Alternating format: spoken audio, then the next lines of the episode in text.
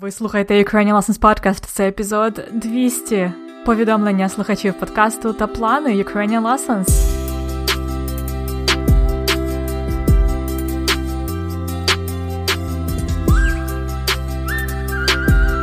Привіт-привіт! Це Анна Огойко і подкаст Уроки української. Подкаст для всіх, хто вивчає і любить українську мову. І це останній епізод подкасту. Епізод номер 200.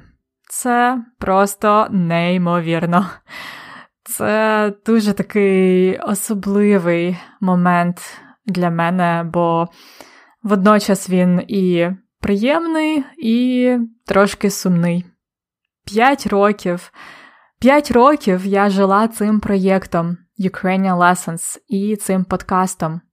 Пам'ятаю, як я записувала перший епізод, це було 5 років тому у Львові. Я жила тоді в квартирі моєї подруги, поки вона була у відпустці. І ми з хлопцем тоді доглядали за її котом, і я працювала. У ті часи я багато подорожувала і часто записувала подкаст не вдома, а десь в дорозі, де прийдеться. Наприклад, бувало таке, що я записувала подкаст в туалеті, тому що там була найкраща звукоізоляція.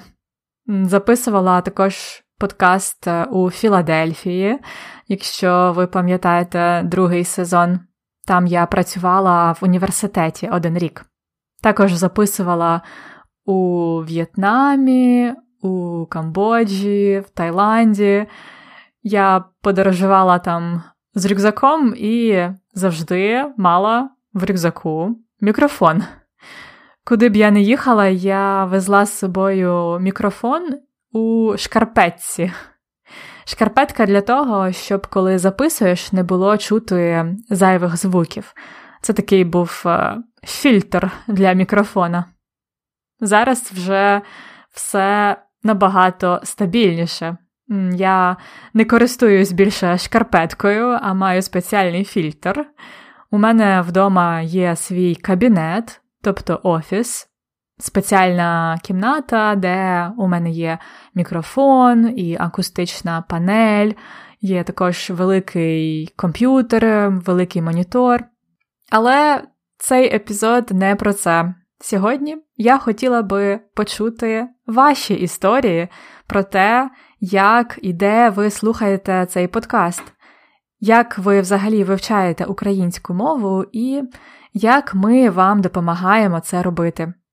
Ви надіслали мені 13 голосових повідомлень з різних різних країн.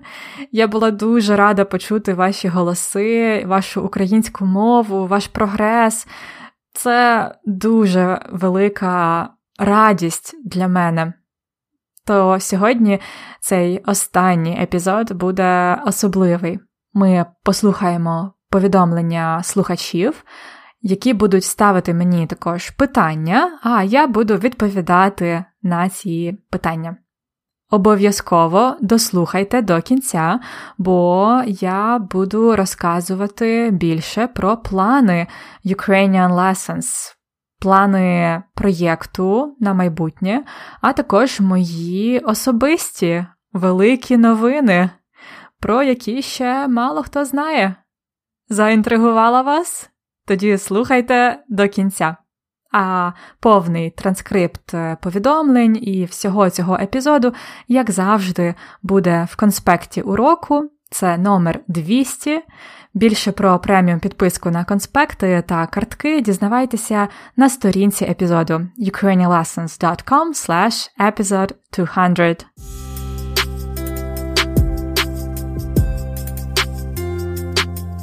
Почнімо з одного з повідомлень зі Сполучених Штатів Америки.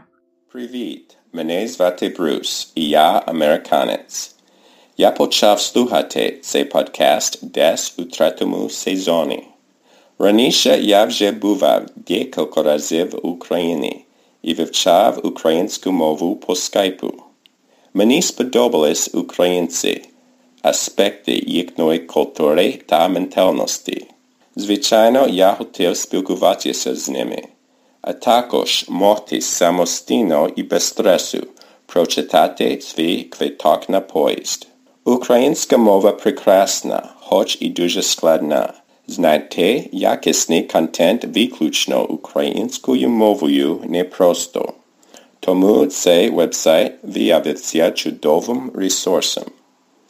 Ці епізоди були цікавими та корисними, але особливо корисним був епізод про діалекти української мови. Можливо, мій смішний акцент колись стане особливим діалектом в Україні. Анна, я знаю, що ви дуже зайнята людина. Та мені цікаво, чим би ви займалися, як би мали більше вільного часу. Дуже дякую, Брюса, за таке приємне і гарне повідомлення. Так, було б класно, якби в Україні був ще один діалект діалект е, тих людей, які вивчають українську мову.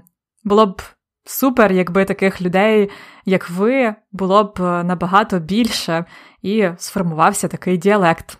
Дякую вам за запитання.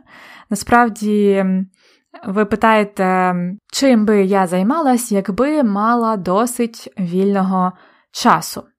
Насправді, останнім часом я не дуже зайнята людина. Я намагаюсь поєднувати роботу, проєкти з відпочинком. Але якби я мала ще більше вільного часу, я, мабуть, більше експериментувала б на кухні. Я дуже люблю готувати. Практично я щодня щось готую. Це переважно прості страви, здорова їжа.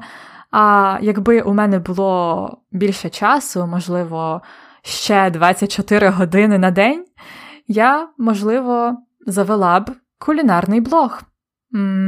І також вчилася б у різних кулінарних школах, особливо в різних країнах світу. Якось так. Наступне повідомлення від Луїса. Він перуанець, але живе в Канаді. Послухаймо, що він нам розкаже. Привіт! Мене звати Луїс і я родом з Перу. Але я живу в Канаді зараз. І я вивчаю українську мову, тому що я закоханий в українську культуру з першого дня я познайомився з нею. Чесно кажучи, я думаю, що слово краса було утворенням в Україні.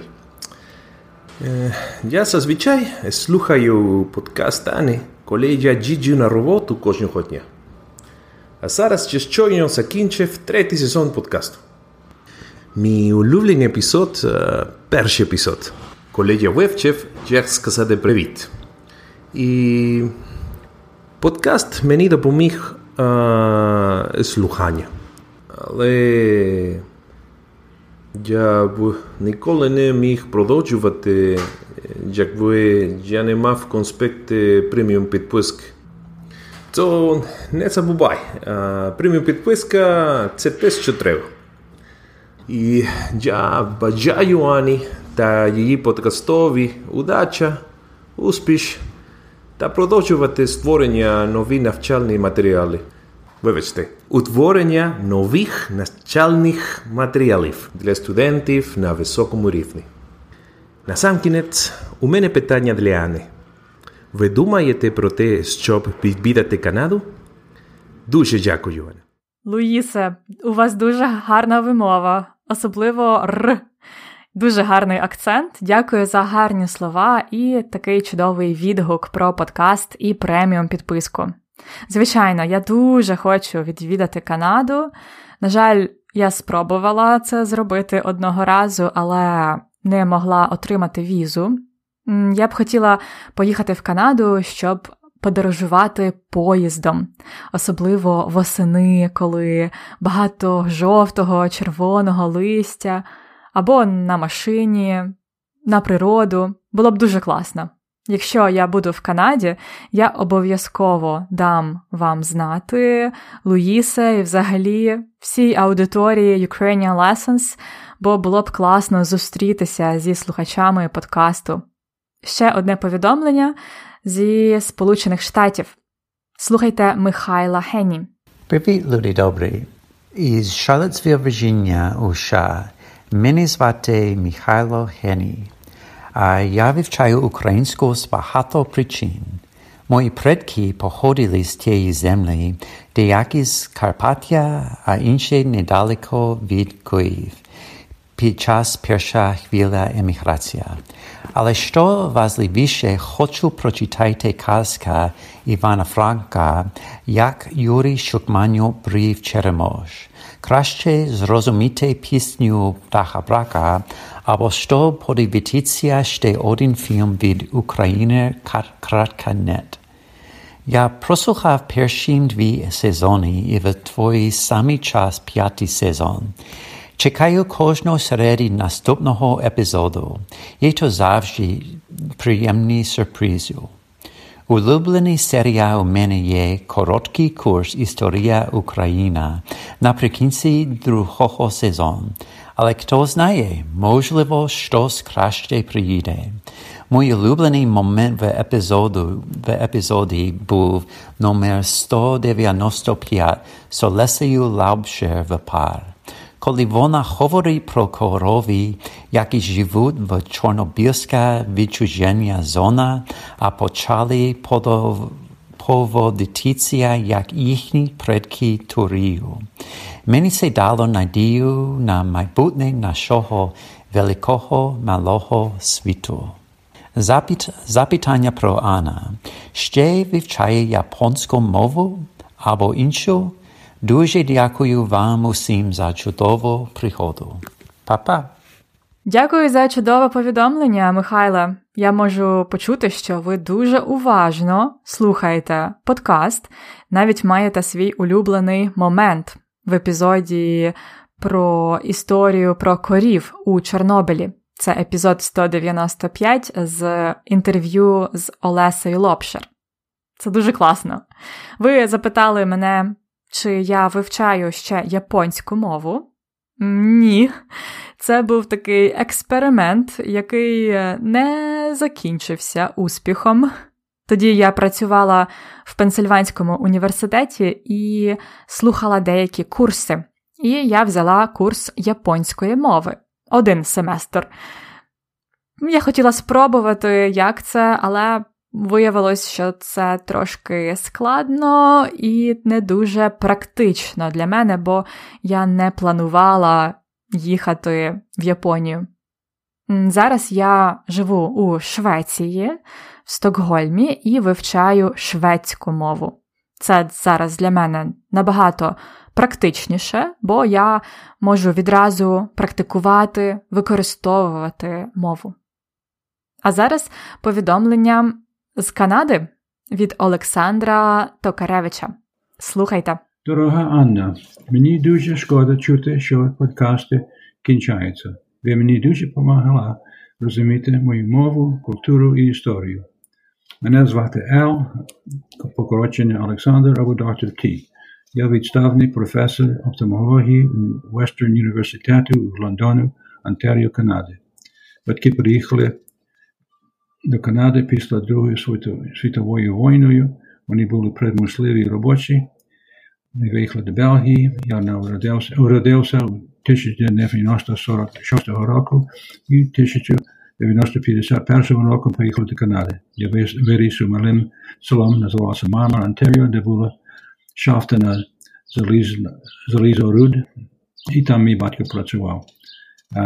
Я слухаю ваші подкасти переважно вдома або в дачі.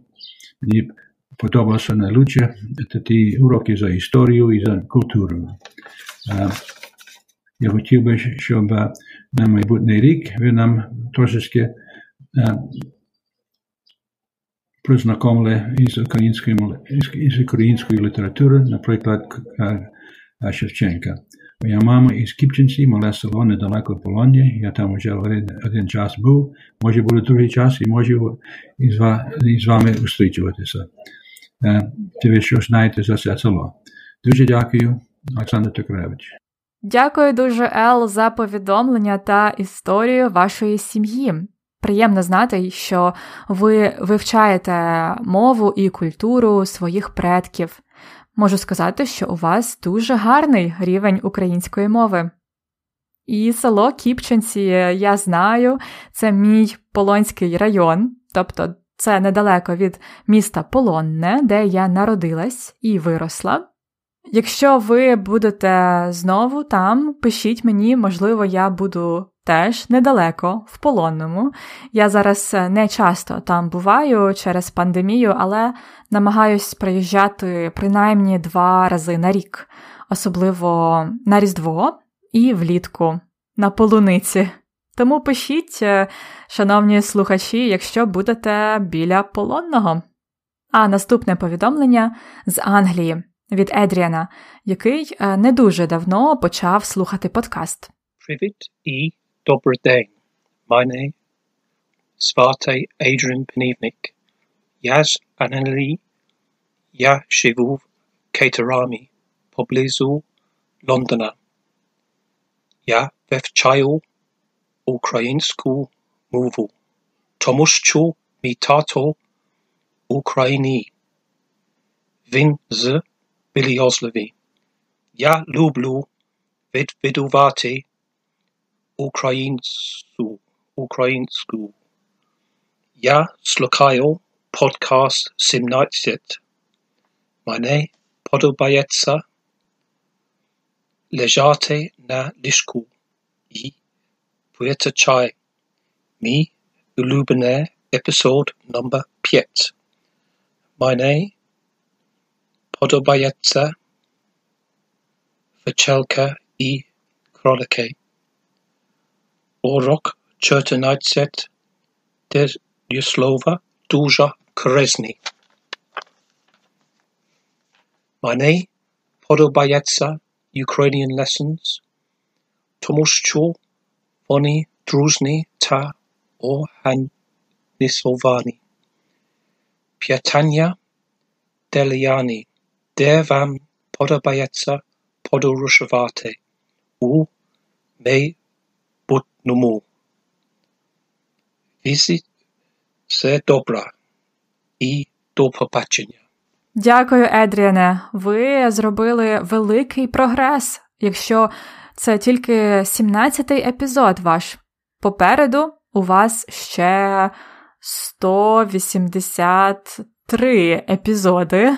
Сподіваюся, ви їх всі послухаєте, і коли дійдете до епізоду 200, зможете почути свій голос на початку вивчення української.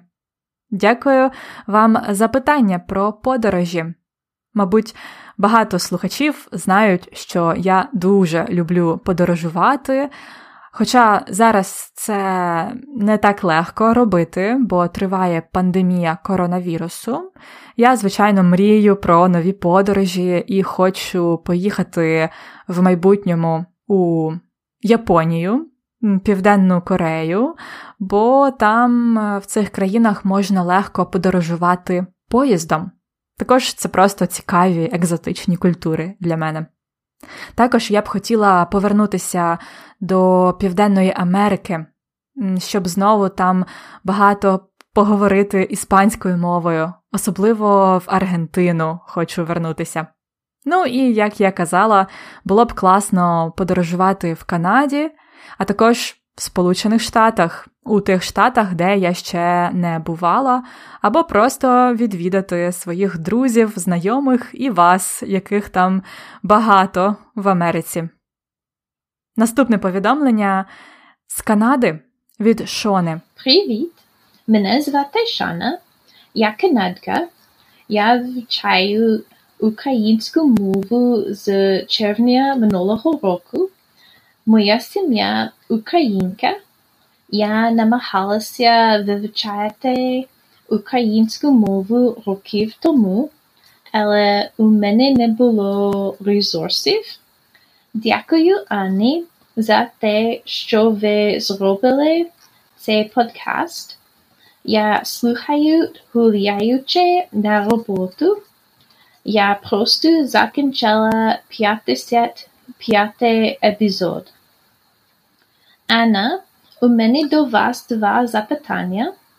ви будете робити більше книг для учнів, які вивчають українську мову, і яку мову чи мови ви зараз вивчаєте? Клас! Ви зробили великий прогрес за всього один рік, Шона. Дуже приємно уявляти мені, як ви слухаєте мій голос дорогою на роботу. Як я вже казала, зараз я вивчаю шведську мову. І ще у мене є мови, які я хочу покращувати: це іспанська, французька і польська мова.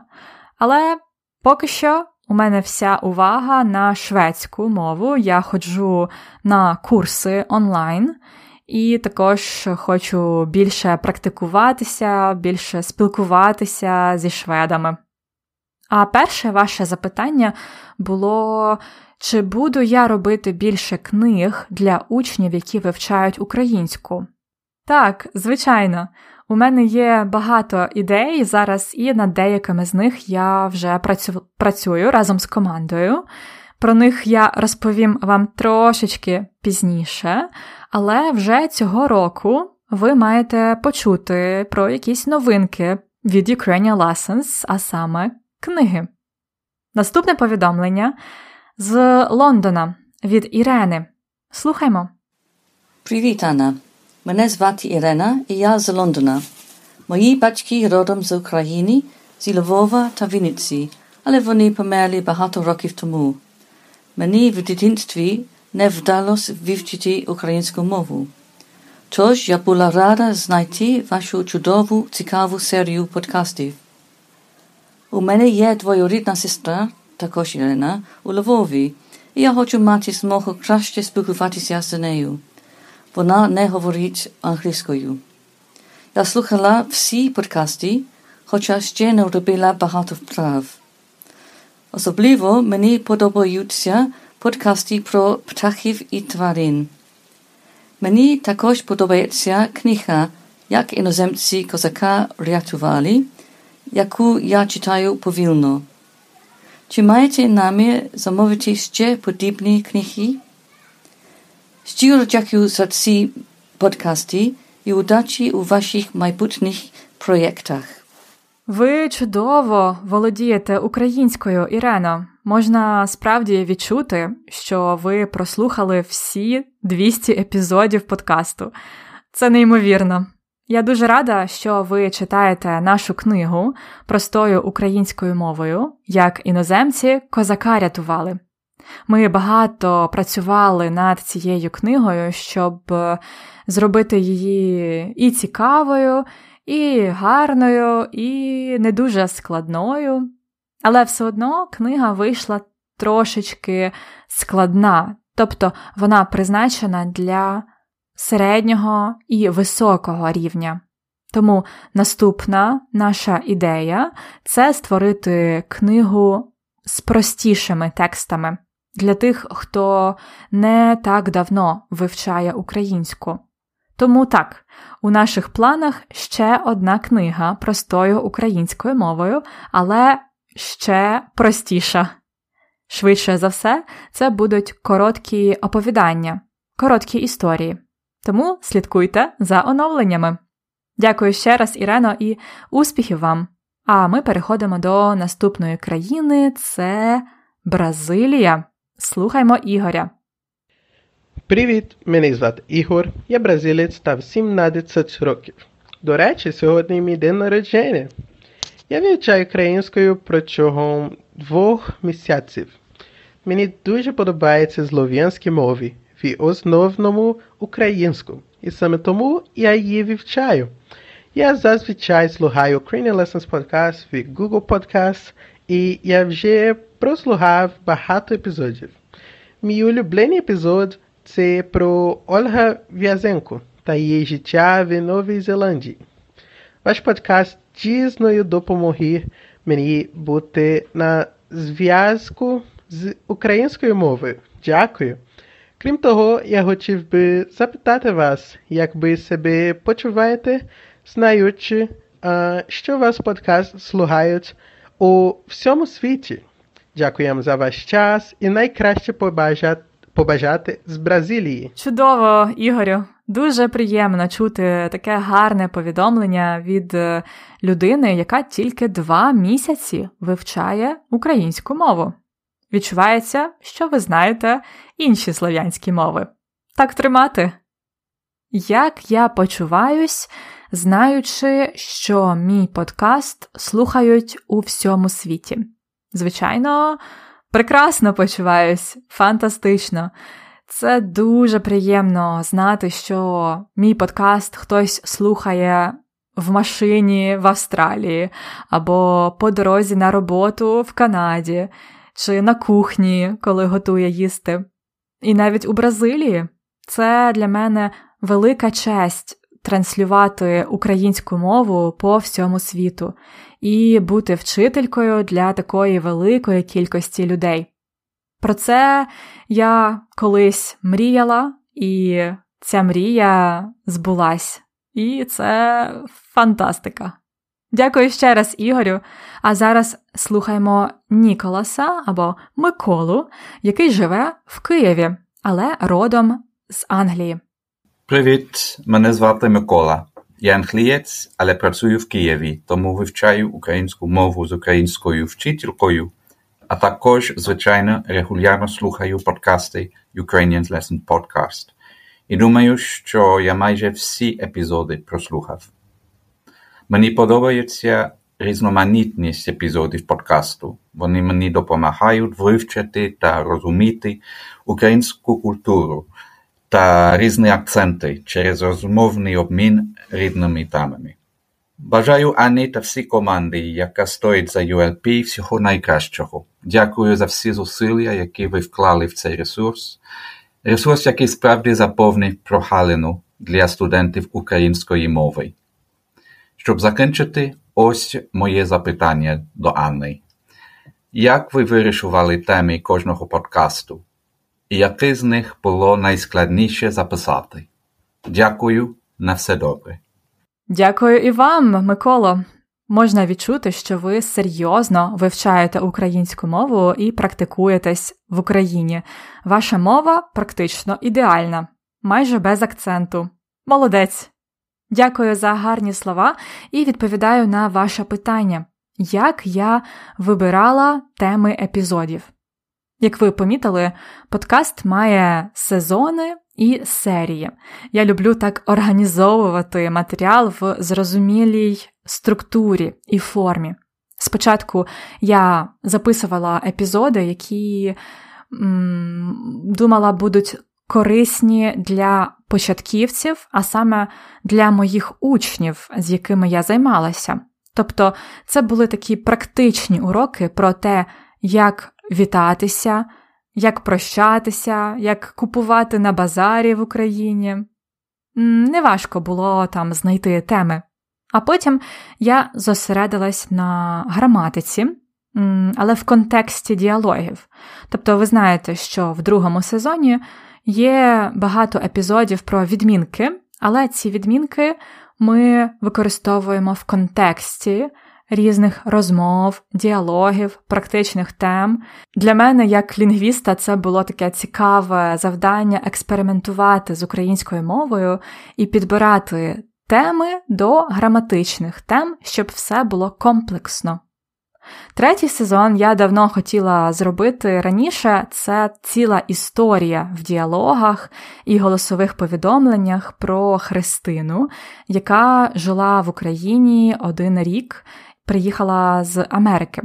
На цю історію мене надихнули слухачі подкасту і мої учні, які приїжджали в Україну за різними програмами, наприклад, е, з Корпусом миру або програмами Фулбрайта. А четвертий і п'ятий сезон це вже епізоди простою українською мовою, і там я записувала ті теми, які мені були цікаві наприклад, історія, сучасна культура, гастрономія. А також ви мені давали свої ідеї, я до них часто прислуховувалась, ви мені писали листи, заповнювали анкети, і я дуже за це вам вдячна. Тобто всього потрошки на подкасті, така собі всяка всячина. А найскладніше, мабуть, було записувати перші епізоди. Я дуже хвилювалась тоді, щоб е, правильно все сказати англійською мовою, щоб у мене не було акценту. Я соромилась е, своєї англійської мови. Хотіла, щоб все було ідеально. Але зараз я розумію, що не треба соромитись, коли говориш іноземною мовою, не треба боятись робити помилки. Це не проблема, правда?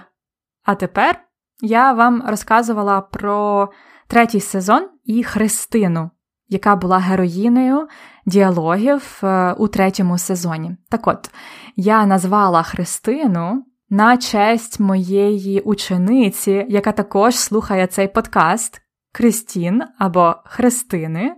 Вона брала в мене кілька уроків на iTalki, ми просто спілкувалися, і я вирішила взяти її ім'я для героїні третього сезону.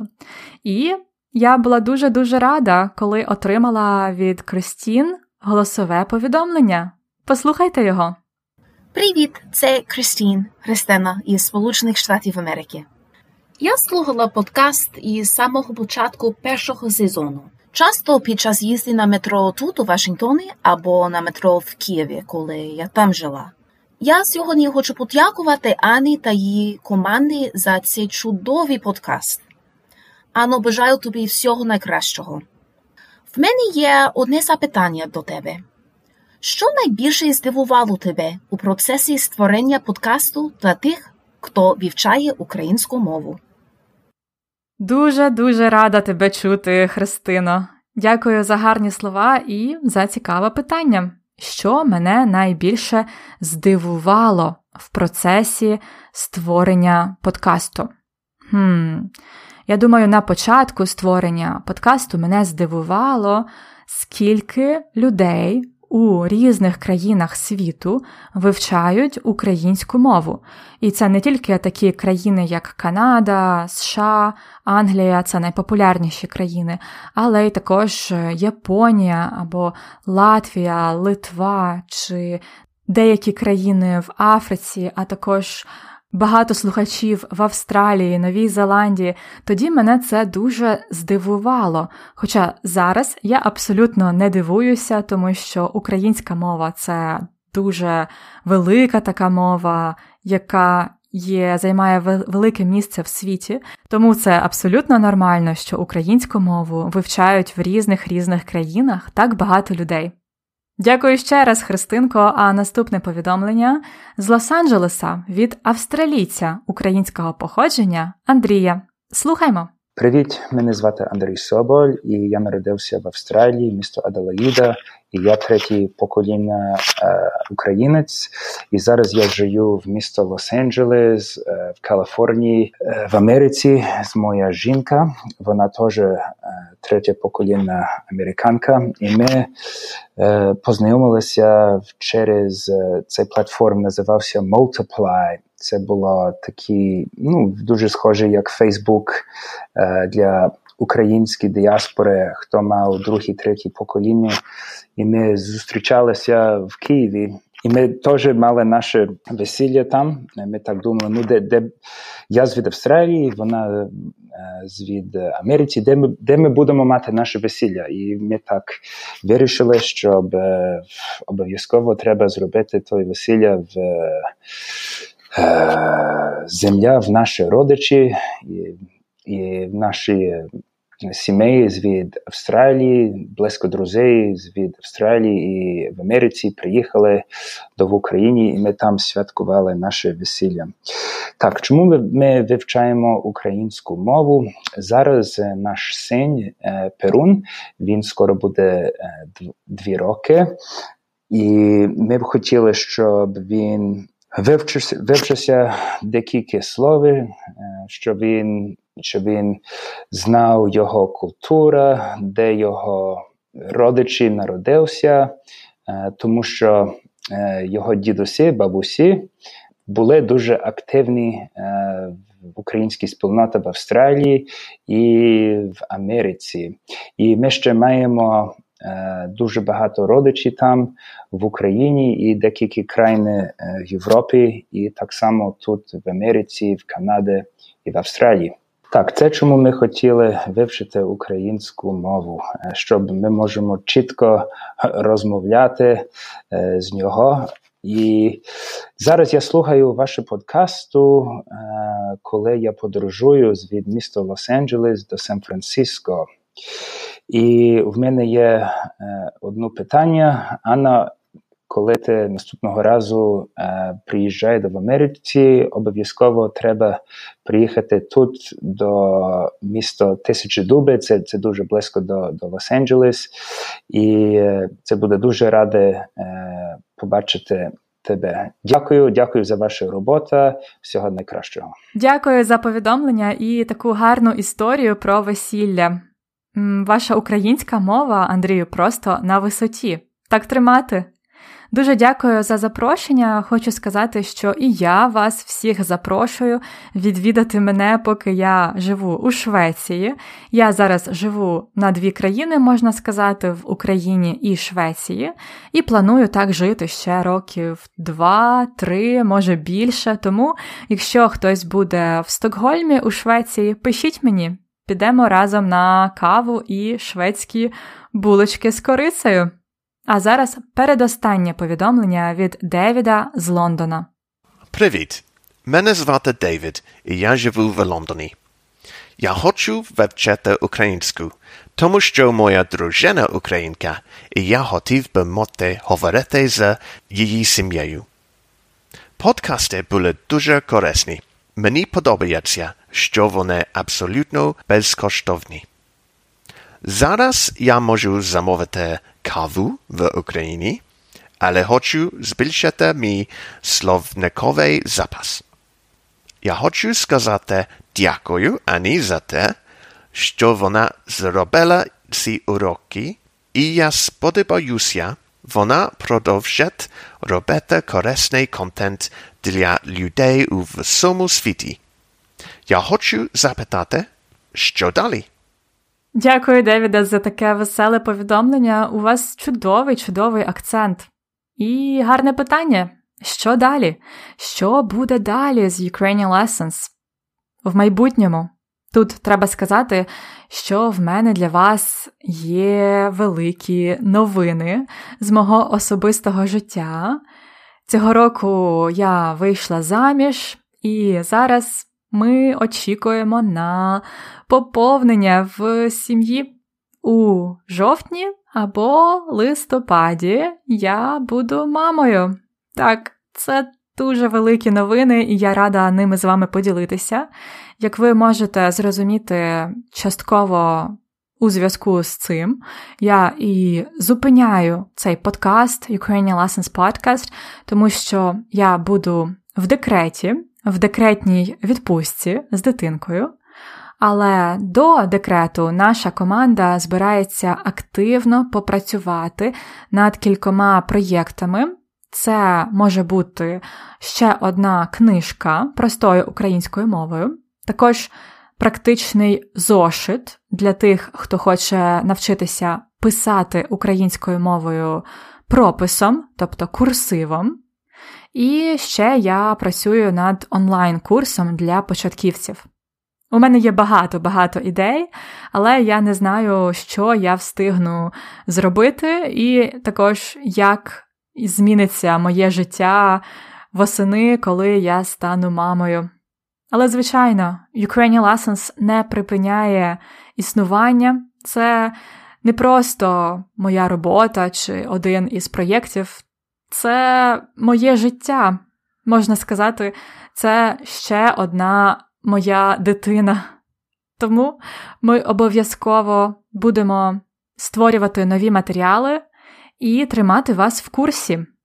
Слідкуйте за соцмережами, розсилкою і сайтом, і залишайтеся з нами. А зараз послухайте останнє повідомлення від одного з наших найбільш активних користувачів сайту та слухачів подкасту. Це Нік з Уельсу. Багато хто з вас знає його з нашої групи на Фейсбуці Ukrainian Learners Group. Якщо ви ще не там, приєднуйтесь. Ukrainian Learners Group. Це дуже така приємна і активна група для всіх, хто вивчає українську мову. І слухайте повідомлення Ніка. Привіт, привіт, ано. Ну, з чого почати? Е, мене звати Нік. Е, Нік Вісочанський. Е, мені 41 рік. Я живу в Уельсі. Це маленька країна на заході Великої Британії. Моє прізвище написане в польському стилі, але дід не був поляком. Він був українцем. Він прибув до Великої Британії після Другої світової війни. Ну, тому що в час існування Радянського Союзу він не міг повернутися додому. Коли я починав вчити українську мову, дід був моїм учителем. Процес вивчення української мови це це дуже-дуже важливо для мене. Наразі я працюю, щоб покращити мою граматику. Вона досить погана. Але нещодавно купив книгу, як іноземці козака рятували. І я сподіваюся, що досягну своєї мети. Бракує слів, щоб сказати, наскільки я вдячний за твої подкасти, статі, книги, всі твої чудові навчальні ресурси. І особливо за спільноту, що ти створила. Тож я хочу щиро подякувати тобі за твою доброту, знання та щедрість. Тут на кінці мені трохи сумно, але попереду є нові пригоди, отже я не хочу сказати до побачення. Замість е, я скажу до наступного разу. Є одна цитата Ділана Томаса, дуже відомого валєйського поета, яка мені дуже подобається. Мабуть, це просто краще сказати англійською. And to the sun we all will bow. And say good night. But just for now. Ох, дякую щиро, Ніку, за таке гарне повідомлення і прекрасне, прекрасне завершення для цього останнього епізоду. Ще раз хочу тобі подякувати, Ніку, за активність у проєкті Ukrainian Lessons, особливо в нашій групі, де Нік є просто душею групи. Без тебе не було б такої чудової спільноти людей людей, які вивчають разом українську мову. Дуже дякую. І не треба сумувати, бо попереду справді багато цікавого, як ти кажеш, багато нових пригод. І це все. Хочу ще раз подякувати всім слухачам подкасту, хто надіслав повідомлення, а також просто всім, хто слухає цей подкаст, всім, хто підтримує Ukrainian Lessons, хто оформив нашу преміум підписку чи купив наш матеріал, а також просто всім, хто слухає подкаст, хто слідкує за Ukrainian Lessons і розповідає про нас своїм знайомим, всім, хто ділиться нашими матеріалами в соцмережах і залишає про нас відгуки, наприклад, на Apple подкастах або на сайті ukrainianlessons.com риска Testimonials. Взагалі, дякую всім, всім, всім, хто вивчає українську мову разом з нами. Ви найкращі. Дякую вам і не буду дуже довго прощатися. Просто скажу до нових зустрічей. Будьмо на зв'язку, тримаймося разом і на все добре!